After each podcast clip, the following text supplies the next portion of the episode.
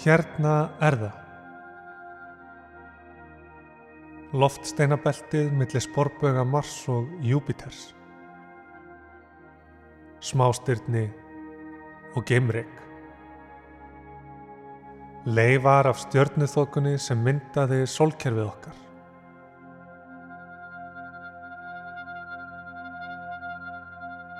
Þetta er ekki eins og í stjörnustriðismyndunum þar sem hann solo siglir listilega fram hjá hverju grjótinu á fætur öðru. Hér er eiginlega ekki neitt og lítil hætta á ferðum.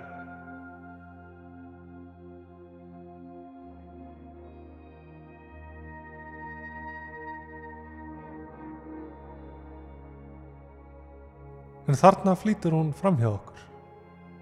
16 Psyche sem drefur nafnsitt af grískri gyðju.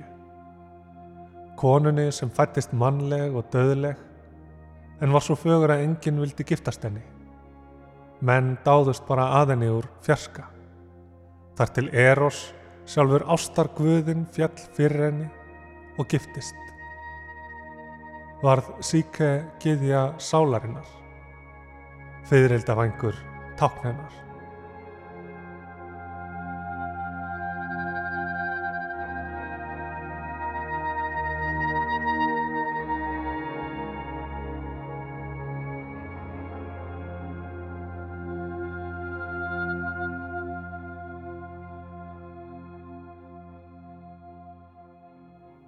Loftsteinin 16 Psyche er aftur á móti ekkert sérlega fallegur.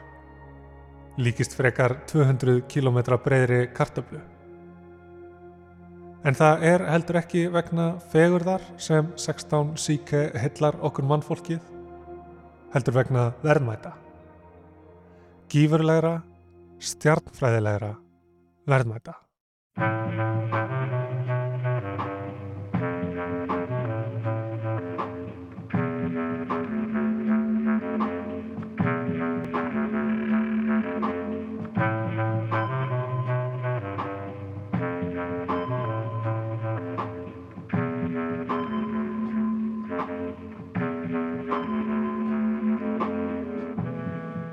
Góðan dag, kæri hlustandi.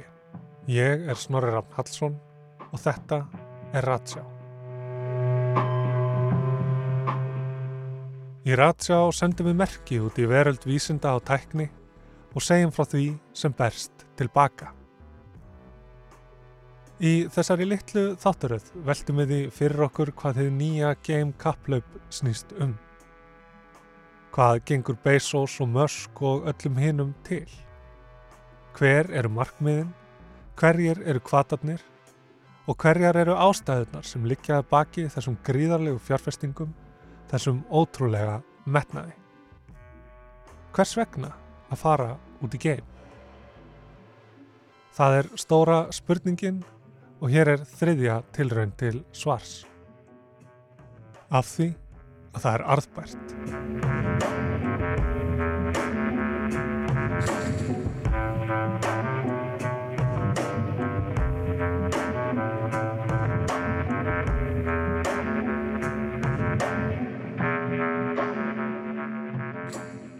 Fyrsti miljardamæringurinn í bandaríkjadölum talið var John D. Rockefeller.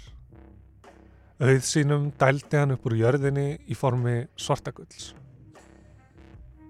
Fyrsti biljónamæringurinn mun hins vegar sækja auð sinn til himnana.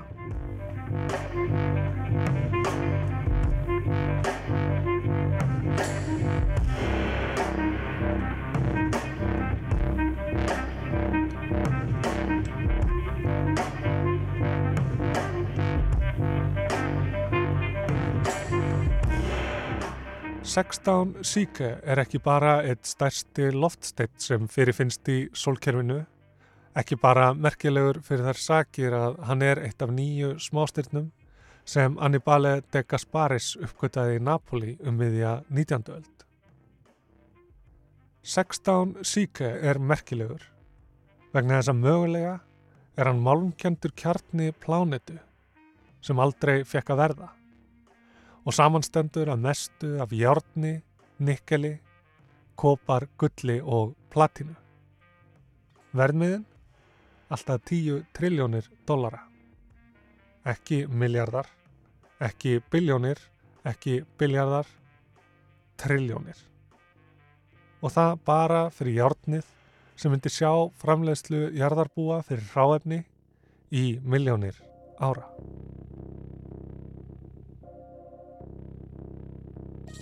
Þetta eru reyndar mestmengnis getgátur, ekki alveg út í bláinn en samt getgátur.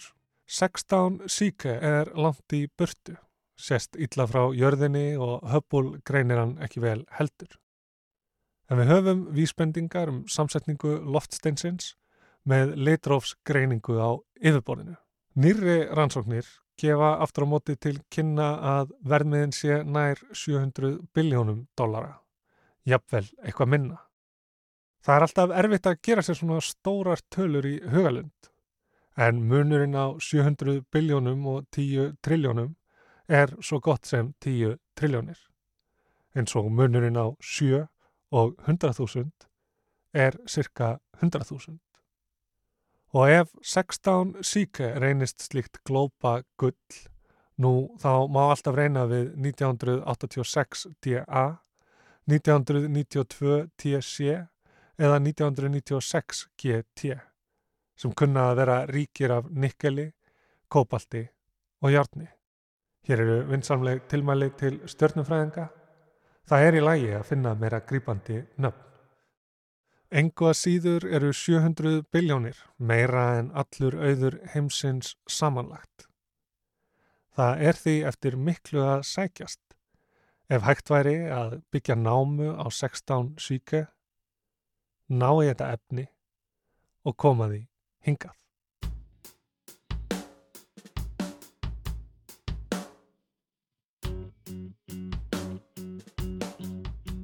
Síðar á þessu ári munu NASA og SpaceX senda far á sporbögum 16 síka til að afla frekari upplýsinga.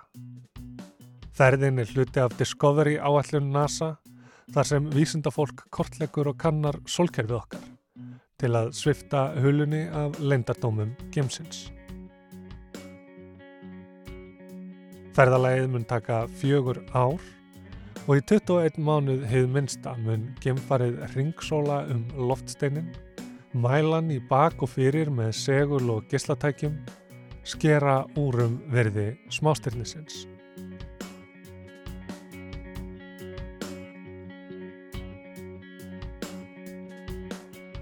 Rétt eins og við þurftum á jarðefna eldsneiti að halda til að fleita okkur í gegnum yðnbyltinguna og inn í nútíman, þá eru þessir málmar nöðsynleir, svo framtíðin geti orðið að veruleika.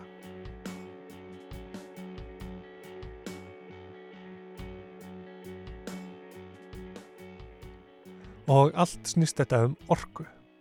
Rockefeller auðgæðist á því að einoka oljumarkaðin og úr urðu reysa fyrirtæki sem ennþann dag í dag sitja á fjársjóðskistum. Fjársjóðskistum sem gringar hins vegar sífælt á. Það er ekki bara vegna þess að jarðefna eldsneiti mengar svo mikið sem við verðum að skipta því út. Ólíu framlegslega mun líklega ná hámarki 2030 en innan forra áratuga verða byrðirnar og borhólunar tómið eitt. En miða við græna orkugjafa hafa ólja og gas einn áberandi kost. Þau eru ekki bara öflugir orkugjafar, heldur góðar og varanlegar orku gemslur. Endur nýtanlega orka frá sól og vindum aftur á móti kemur og fer. Ský dregur fyrir sólu eða það náttar og þó það virðist sem svo fyrir okkur sem ólumst upp á Íslandi að vinda njóti alltaf við, þá lægir líka stundum hef ég heyrt. Og við færum ekki landa á ramagsbílum ef þeir þyrtu alltaf að vera í sambandi eða virkuðu bara á daginn þegar sólinn skín eða það er rók. Eitt stærsta úrlausnar efni grætna orkuskipta er því hvernig megi jafna út þessar söiblur í orkuframleyslu og svo nýta orkunar þar sem hennar er þörf þegar hennar er þörf. Málmar eins og kopar, nikkel og kópalt sem finna má í loftsteina beltinu eru likil ráefni í smíði raflaða og eins og allt annað á jörðinni er þeir þegar allt kemur til alls af skortnum skamti. Því meira sem við gröfum upp af þeim, því erfiðara verður að finna meira. Áður en öldin er úti má vera að ekkert verði eftir.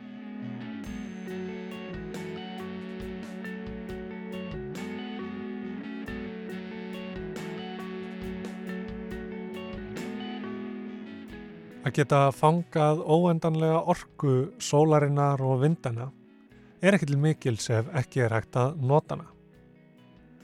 Og þá komum við að henni eiliflegu spurningu. Hvað gerum við þegar við erum farin að reyna all verulega á þanþól plánetunar? Drögum við okkur saman eða stækkum við ríkidæmi okkar?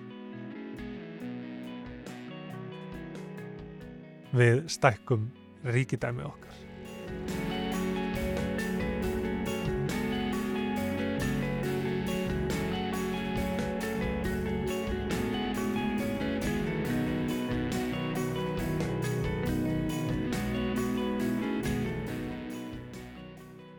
Þegar enga fyrirtæki fór að stiga sín fyrstu skref í sjálfstæðum gemferðar áallunum, leiði ekki á löngu þar til fólk kom auga á gróða tækifærin sem getur falst í því að sækja dýra málma og önnur efni út í game. Fyrirtækið Planetary Resources var frumkvöðl á þessu sviði. Yfirlýst markmið þess að koma böndum á ónýttar öðlindir gemsins. Hugmyndin hafði svo sem leið í loftinu lengi. Þannig er fyrst minnst á þennan möguleika í vísindaskáltsugu frá árinu 1898. Is completely enclosed and it's full of leathery objects like eggs or something. Og hinn klassiska kveikmynd Ridley Scott frá 1979, Alien, gerist nefnitt um borði í gemskipinu Nostromo sem er á heimleið með 20 miljón tonna farm af málmgríti sem numið var á loftsteini. There's a, a layer of mist just Og í EVE Online, íslenskum fjölspillunar leik sem gerist í gemnum, er loftsteina námugröftur vinsæl starfsferill. Ekki vegna þess að það er svo erfitt, heldur vegna þess að það er svo auðvelt. Vísindafólk á borð við reykistjörnum fræðingin John S. Lewis hafði einnig tekið þessa hugmyndu upp og kannad með öllu fæleiri hætti. Fullirti Lewis í bóksinni Mining the Sky að öðlindaskortur sé ekki staðrind, heldur tálsín vegna vanþekkingar. Og Peter Diamandis hjá Planetary Resources ákvaða láta á þetta reyna. En það var hann þess fullviss um að fyrsti biljónamæringurinn erði til í gemnum. Og í mögulegu gullæði sem þessu er fyrir öllu að vera fyrstur. En áskoranirnar eru margar.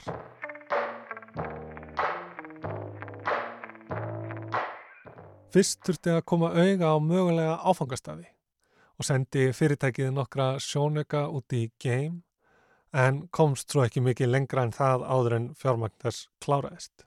En fyndist áleitlegt smástefni eins og til dæmis 16 síke var næsta skref að gera gemferðir ódyrari til að svaraði kostnaði að hefja yðnaði gemnum. Stærri fyrirtæki eins og SpaceX og Blue Origin hafa tekið við því kepli.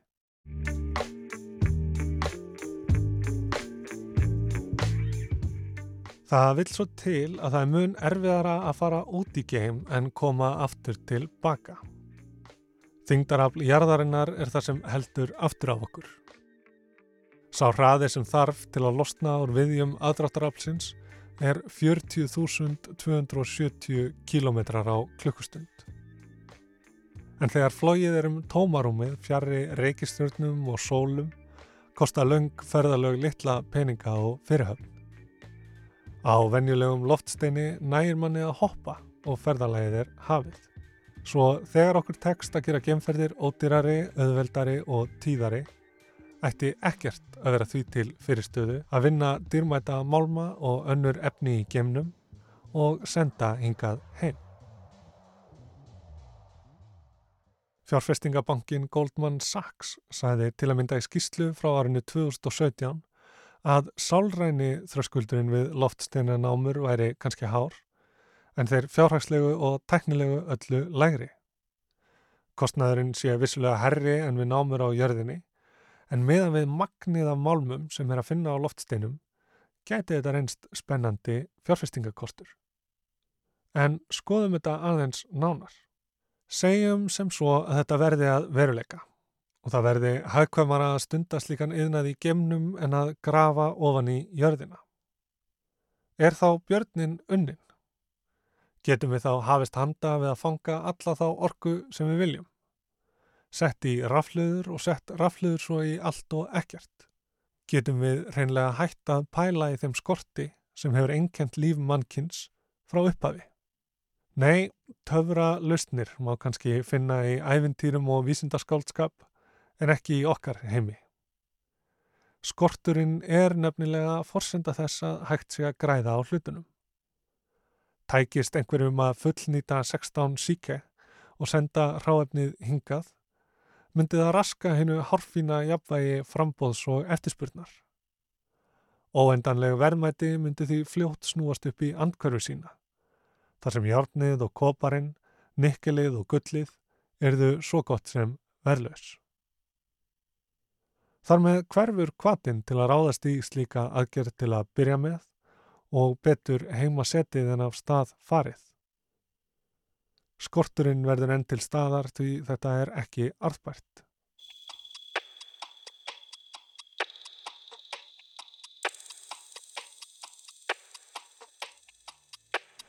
Hinn möguleikin er sá að fyrirtæki fari leið Rockefellers. Reynir sem fyrst að slá eignarhaldi á vænleg smástyrni og þegar tímin er réttur hefji þau vinslu. Þau geta þá sendt til jarðarinnar rétt svo nóg til að standa undir fjárfestingunni og undirbjóða jarneska framleiðendur til að íta þeim af markaðnum. Þess vegna skiptir svo miklu máli að vera fyrstur í þessu gullæði því allir þeir sem koma á eftir munum mæta miklu meiri samkjöfni. Þetta er eiginlega eina viðskiptamótilið sem gengur upp. En hér lendum við þó á einni hraðahindrun í viðbútt. Geimurinn er ekki algjörlega vilt vestur. Það eru reglur um hvað má og hvað má ekki gera þar.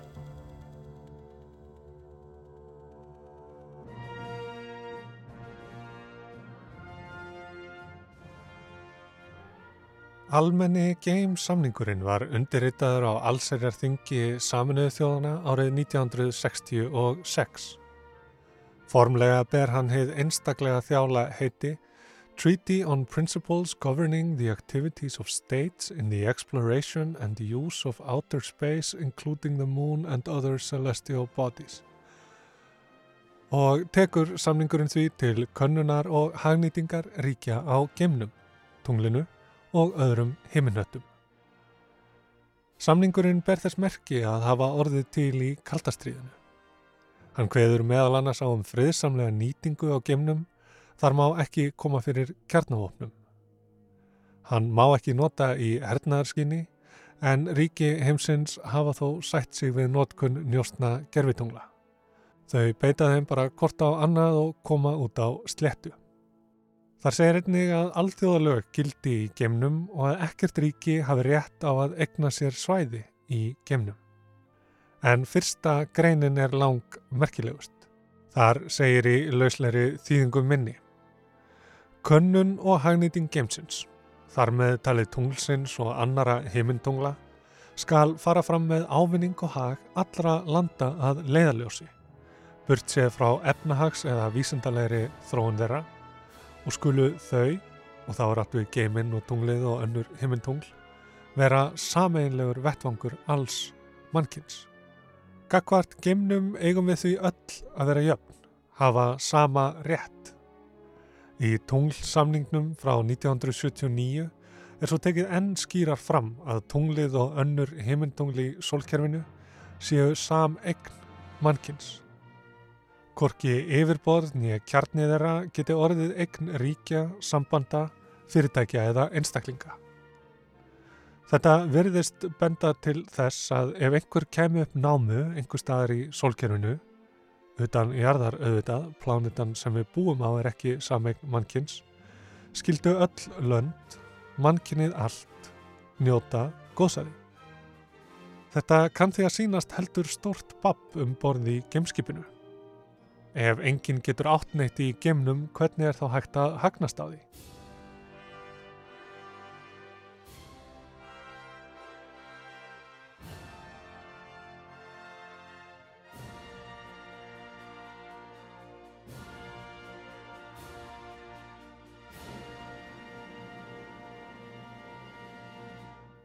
En eitt er það hvað stendur í samningum, annað hvernig það er tólkað og því framfyllt og svo er það það hvað fólk kemst upp með.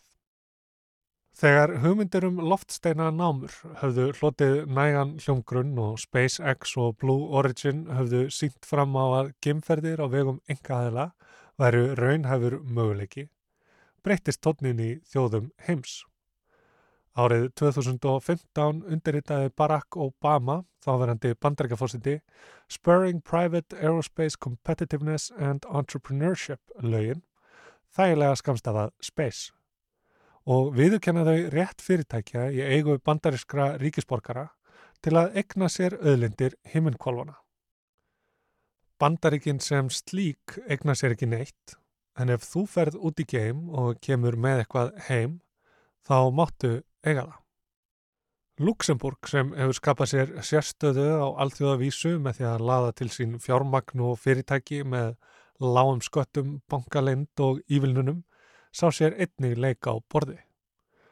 2017 bætti landið um betur, fjárfesti í stórum og smáum fyrirtækjum, samþykti að viðurkenna eignarhald hver sem er á hverju sem er úr gemnum.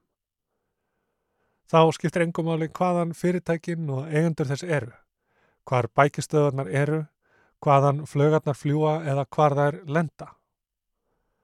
Fjármagnið á bakvið ferðirnar má bara ekki vera illa fengið og eitt lítið posthólf og fyrirtækjaskráning næja til að njóta ávaksta og ávöxtunar möguleika sólkerfisins. Það er auðvelt fyrir ríki að setja lögjöf sem ekki enn reynir á. En svo fyrr segir erum við skamt á veg komin. Fyrstu alvöru könnunaförin leggja brátt af stað og þau munu skera úrum hvort að sé þess virði að halda lengra. Hvort að borgi sig að nema þessa lendur til að auka auðokkar og auðlendir hérna á jörðinni. Ef af því verður munum við geta meira, við munum gera meira. En draumaveröld ofgnóttar verður enn utan seilingar hér á jörðunniðri, fái lögmál viðskiptana að ráða för. Og ef undanfarnir áratugir af kapitalískri raunhyggju hafa kent okkur eitthvað, þá munu lagmál viðskiptana ráða för. Skorturinn verður enn til staðar, svo þetta geti verið arðbært.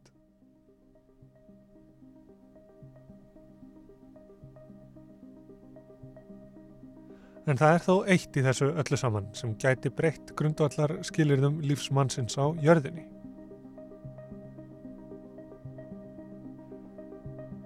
Annars konar loftsteinar en 16 síke og þeir sem hér hefur verið fjallaðum eru ríkir af kólefni og vatni, sílikötum og öðrum efnum sem við höfum svo sem nóg af hér.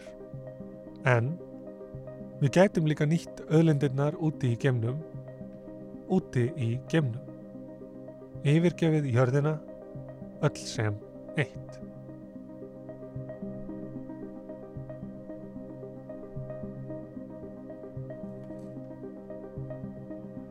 John S. Lewis, reykistjörnu fræðingurinn, heldur því fram að öðlendirnar í loftsteinabeltinu einu saman gæti á endanum haldið upp siðmenningu biljarða manns.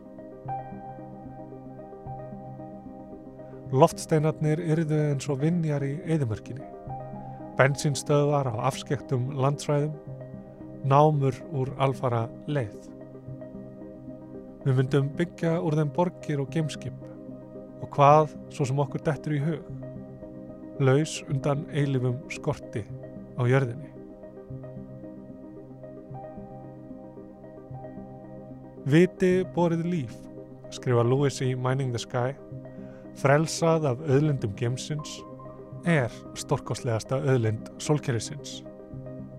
Henn aðsta fullnæging lífsins eru takmarkalösir vitsmunir og samkjönd.